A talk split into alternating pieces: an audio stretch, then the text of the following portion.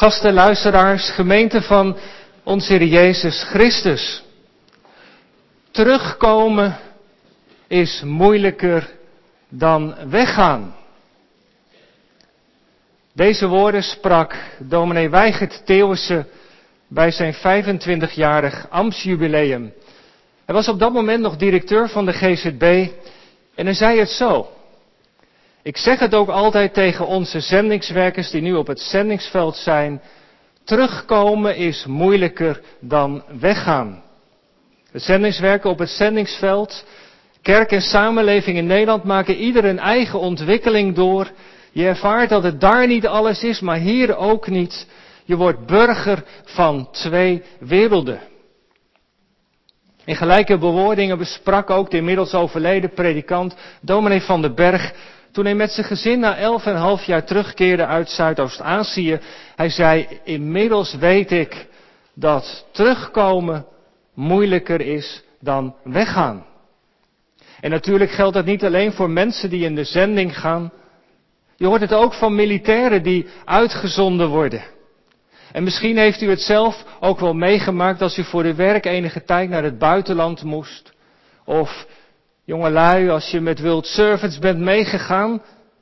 Een reis, diaconale reis, je hebt allerlei ervaringen en dan kom je thuis en dan je verhaal vertellen wat je hebt meegemaakt met wat het je heeft gedaan is niet altijd zo gemakkelijk. Terugkeren is lastiger dan weggaan. Zeker natuurlijk als je langer weg bent. Je maakt dingen mee, je groeit, je verandert. En ook op het thuisfront gaat het leven door.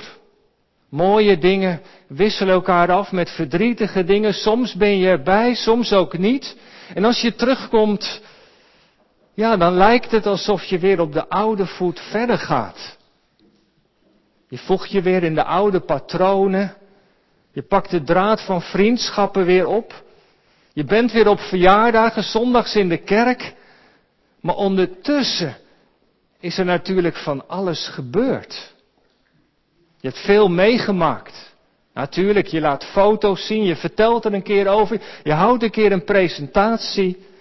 Totdat mensen tegen je zeggen, ja, nu moet je maar eens ophouden om over Chili of Colombia te praten, je bent nu hier.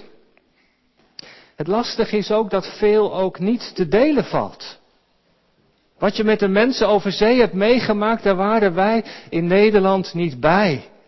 Hoe het geloof en de kerk daar functioneren, je kunt er wel iets over vertellen, maar overbrengen is ook nog niet zo gemakkelijk. Het heeft tijd nodig. Je gaat met een rugzak die leeg is en je komt terug met een rugzak die gevuld is. En toch is het goed dat we hier zijn vanmorgen. Om uit de eerste hand te horen van Anthony en Cora wat God in Colombia heeft gedaan.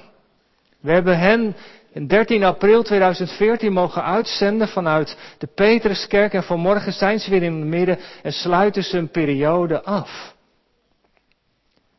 En straks zullen ze daar ook iets over vertellen.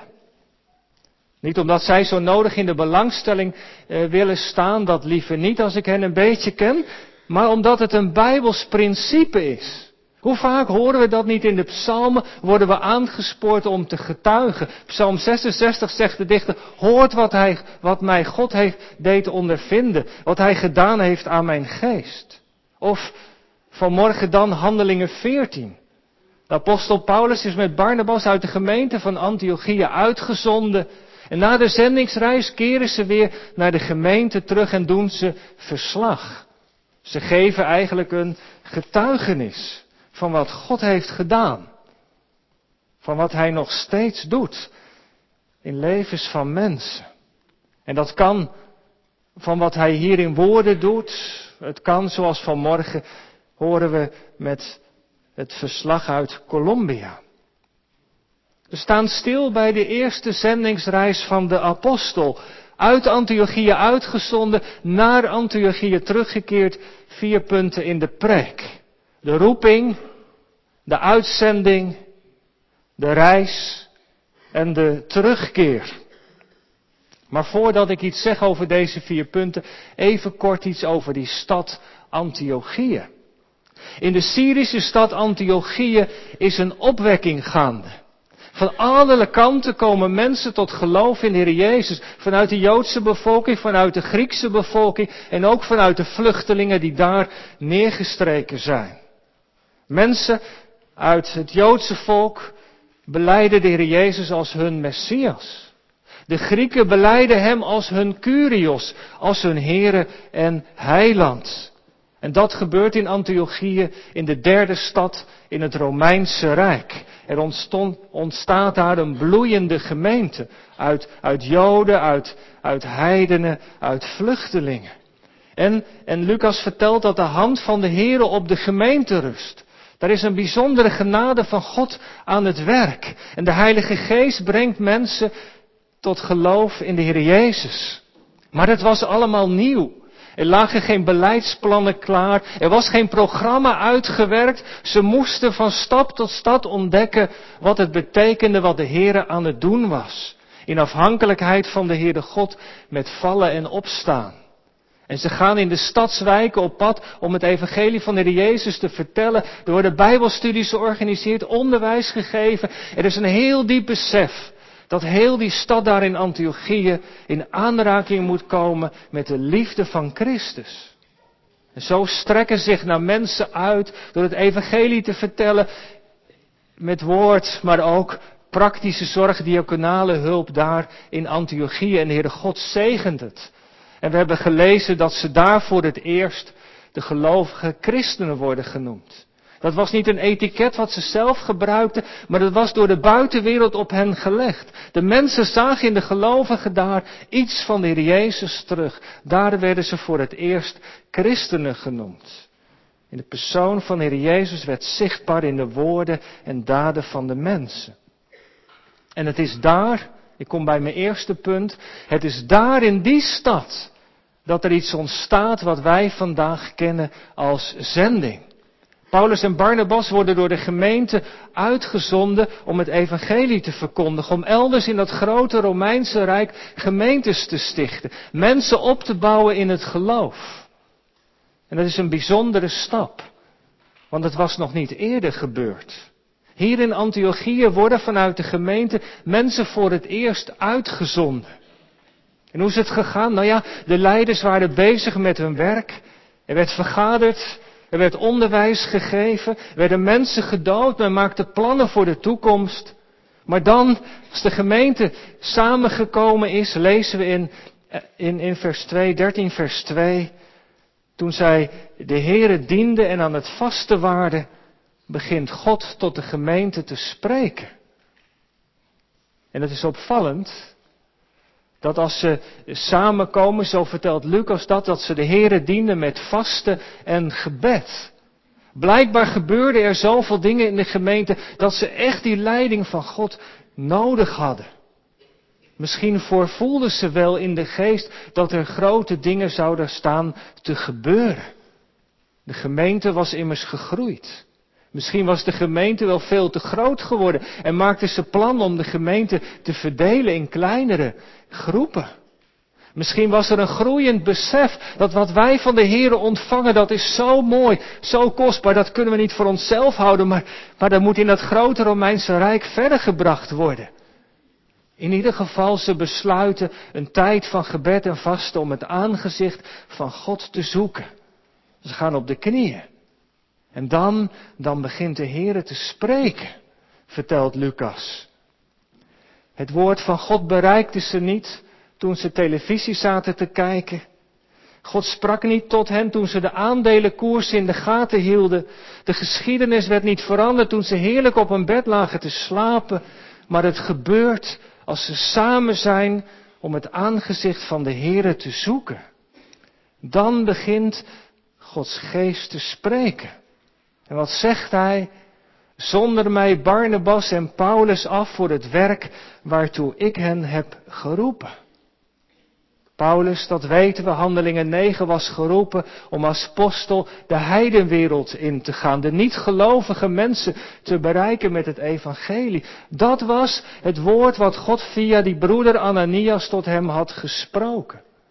En nu zijn we alweer wat verder Maar God vergeet niet de woorden die hij heeft gesproken. En dat wordt hier bevestigd. Wat zien we gebeuren? Het eerste punt, alles begint dus bij roeping. De geest zegt tegen de gemeente, nu is het moment. Hij dringt ze als het ware om mensen uit te zenden de wereld in. Dit is het moment dat jullie mogen gaan doen waartoe ik je heb geroepen.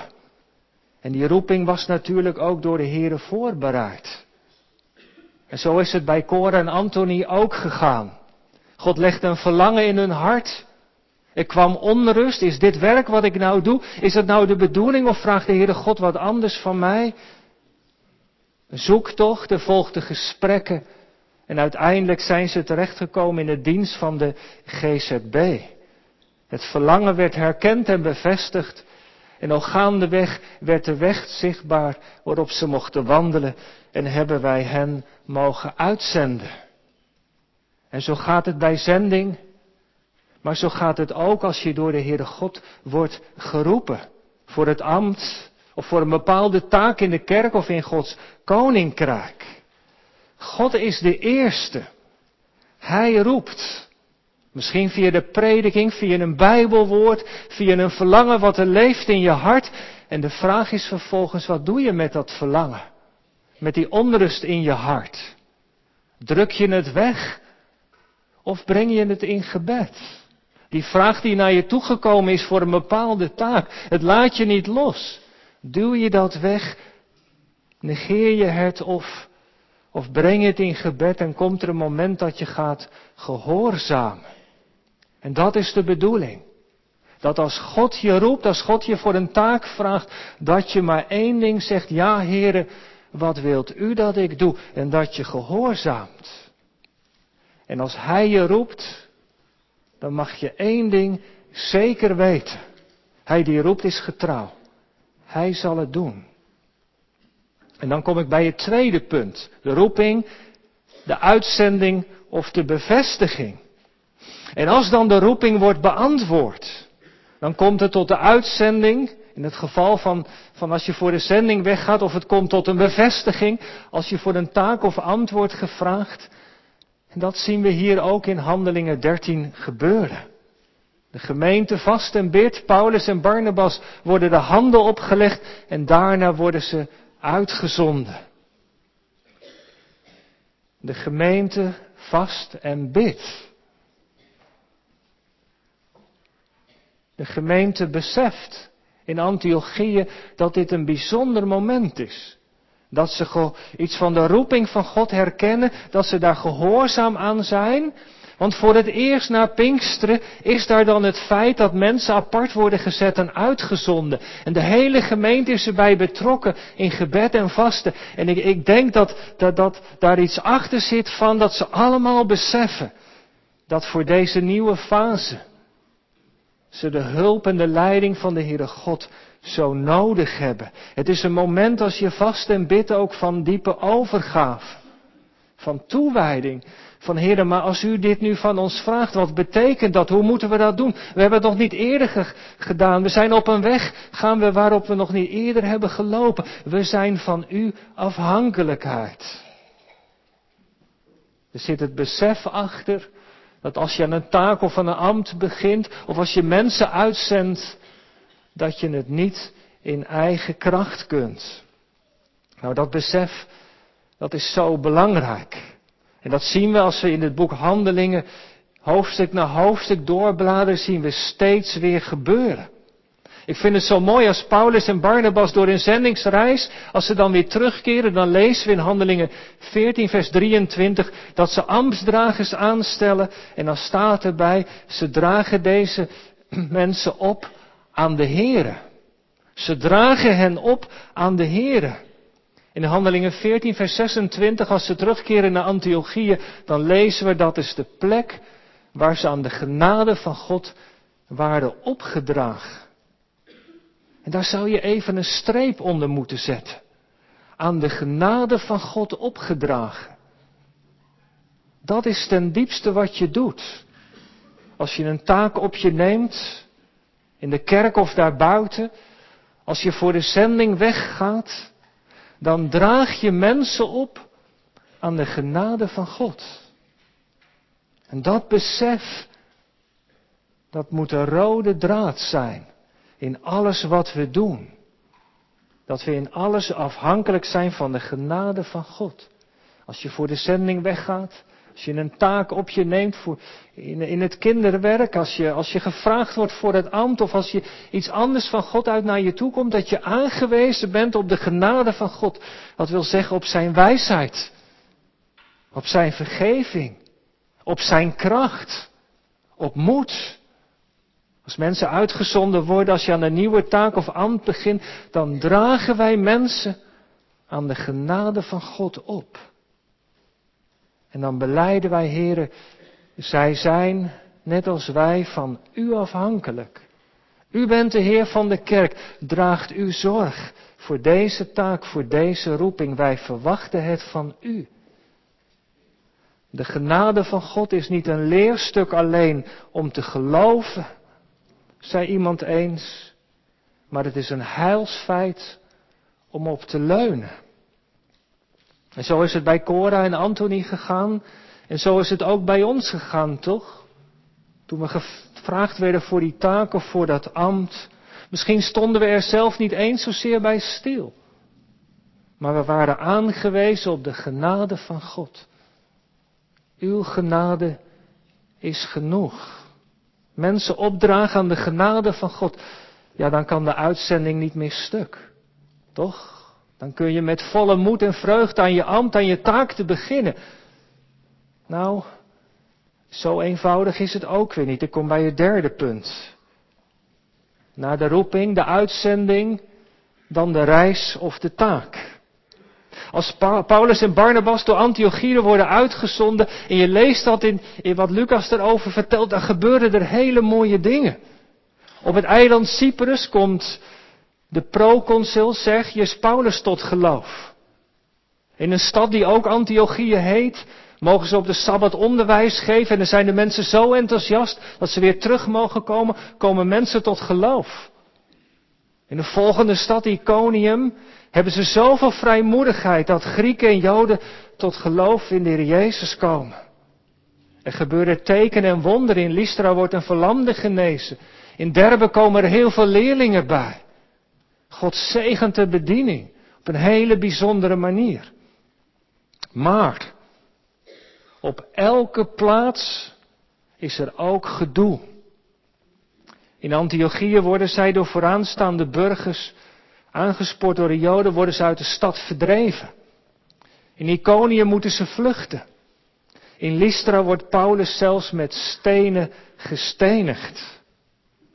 Er is zegen maar er is ook veel tegenwerking en gedoe. En dat leert ons iets belangrijks. Als je gehoor geeft aan de roeping van God, dan is dat verre van gemakkelijk. Ik herinner mij nog wat ik zei in de uitzendingsdienst van Anthony en Cora. De tien geboden voor een zendingswerker.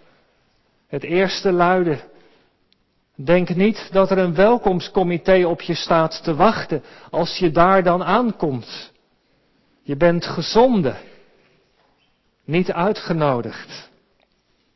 En het begin van jullie was ook niet makkelijk geweest. We spraken daar nog even over, over Paste German. Ik geloof dat hij twee dingen zei.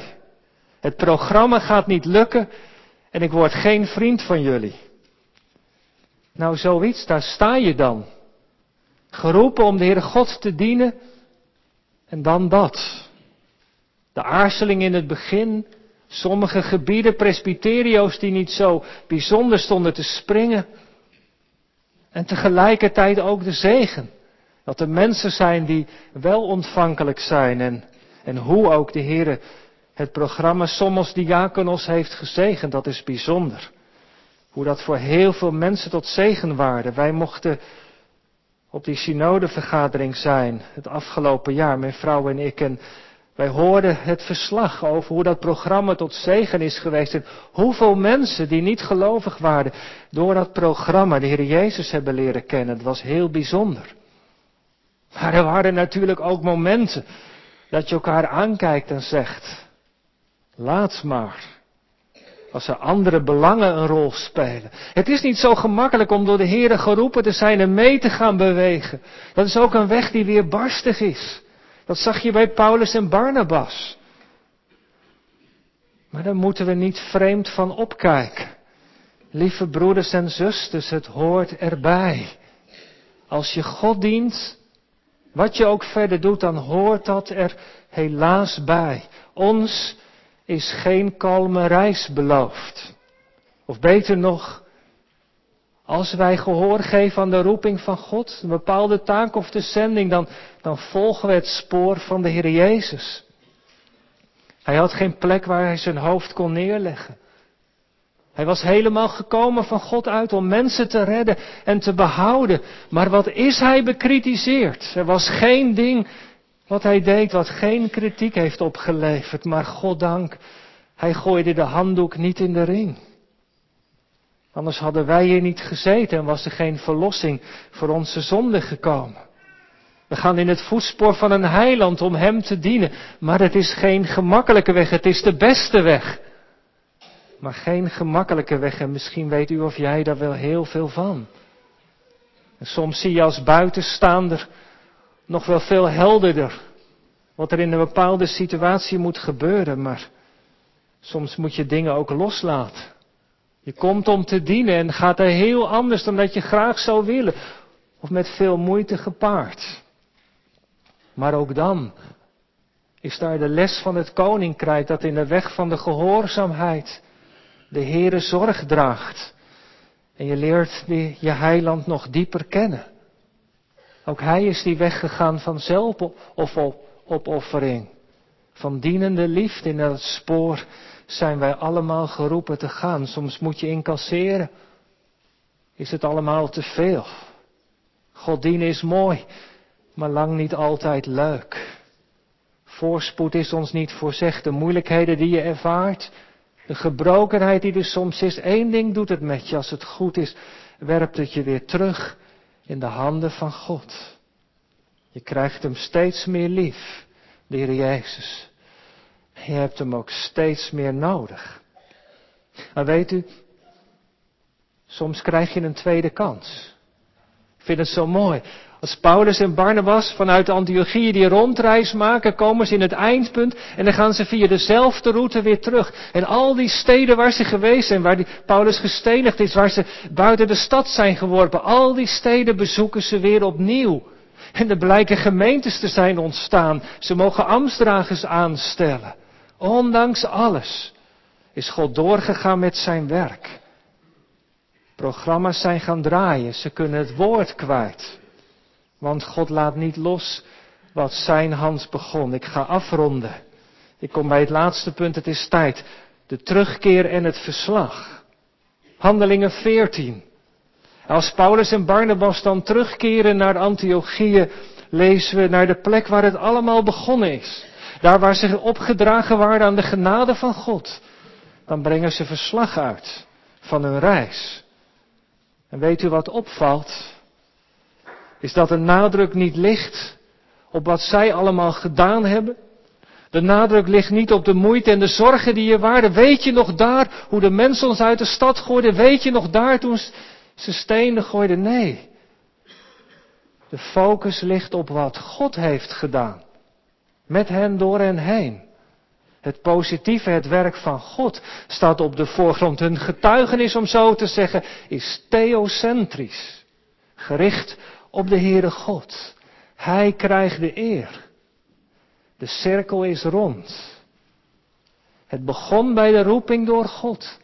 En het eindigt in de lofprijzing weer bij de Heere God terug. Ze hebben veel gedaan en mooie dingen meegemaakt. Hele moeilijke dingen ook, maar als Paulus en Barnabas terugkijken, dan zien ze door die reis en zien ze door die maanden, die jaren heen, één rode draad. En dat is de draad van de genade. De genade van God was aan het werk. En daarover moet het gaan. Moeilijkheden en zorgen zijn er altijd in de dienst van God. Offers moeten worden gebracht tot in je familie toe. Maar wat het geloof opbouwt, dat is uiteindelijk wat God heeft gedaan. En hoe meer wij aan Hem toegewijd zijn, hoe meer Hij door ons heeft kunnen werken. Hij door ons heeft kunnen werken. Want het is uit God, door God en tot God.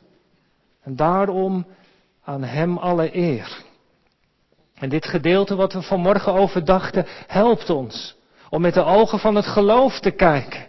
Als je geroepen bent voor een bepaalde taak, in de kerk of in Gods koninkrijk, of in het ambt of voor de zending, de taak waartoe God je heeft geroepen. Met de ogen van het geloof te kijken. In al het menselijke, wat zie je dan? Als je goed kijkt, hopelijk ook dat die genade van God aan het werk was. En soms moet je heel goed kijken en is het wat verborgen, soms moet je met elkaar over praten. Maar als het goed is, is daar die dragende grond van de genade van God. En daar spreken Paulus en Barnabas in Antiochieën over. En zo mogen wij vanmorgen van Cora en Anthony daarover wat horen. Wij danken God en zijn benieuwd wat hij door hen heeft gedaan. Nu zijn zij het, maar straks misschien wel iemand van ons. Want de roeping om te getuigen, die blijft. Om steeds weer in de kring van de gemeente te horen, op allerlei manieren. Te horen over de genade van Christus, die rijk was, maar arm werd, om ons rijk te maken in God. Hem zij de lof en de eer. Amen.